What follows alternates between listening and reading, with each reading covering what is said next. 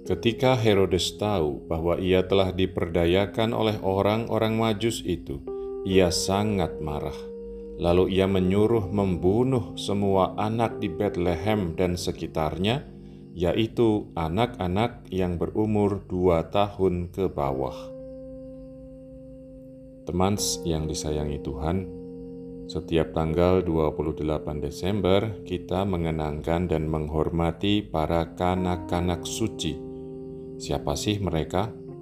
Yaitu tadi, semua anak di Bethlehem yang dibunuh oleh Herodes, meskipun maksudnya cuma ngebunuh Yesus.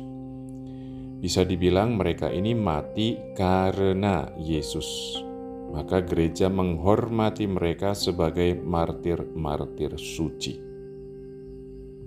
Teman-teman, sahabat Yesus, mungkin kita pernah ada di posisi anak-anak itu jadi pihak yang lemah, nggak berdaya, dan sebenarnya nggak tahu apa-apa, tapi terus seolah jadi korban perbuatan orang yang mentingin dirinya sendiri dan nggak peduli apa pun yang lain, siap ngelakuin segala cara untuk dapetin yang dia mau.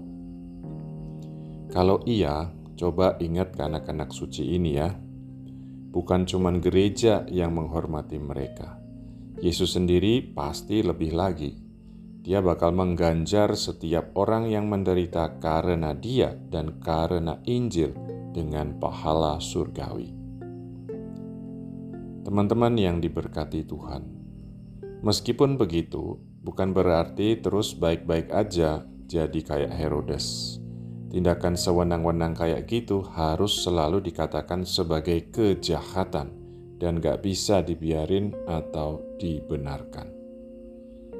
Sis and bros, murid-murid Kristus, yuk jangan jadi Herodes dan lawan orang-orang kayak Herodes. Di sisi lain, gak usah ngerasa konyol kalau harus ngalamin tantangan atau penderitaan atau jadi korban karena Yesus.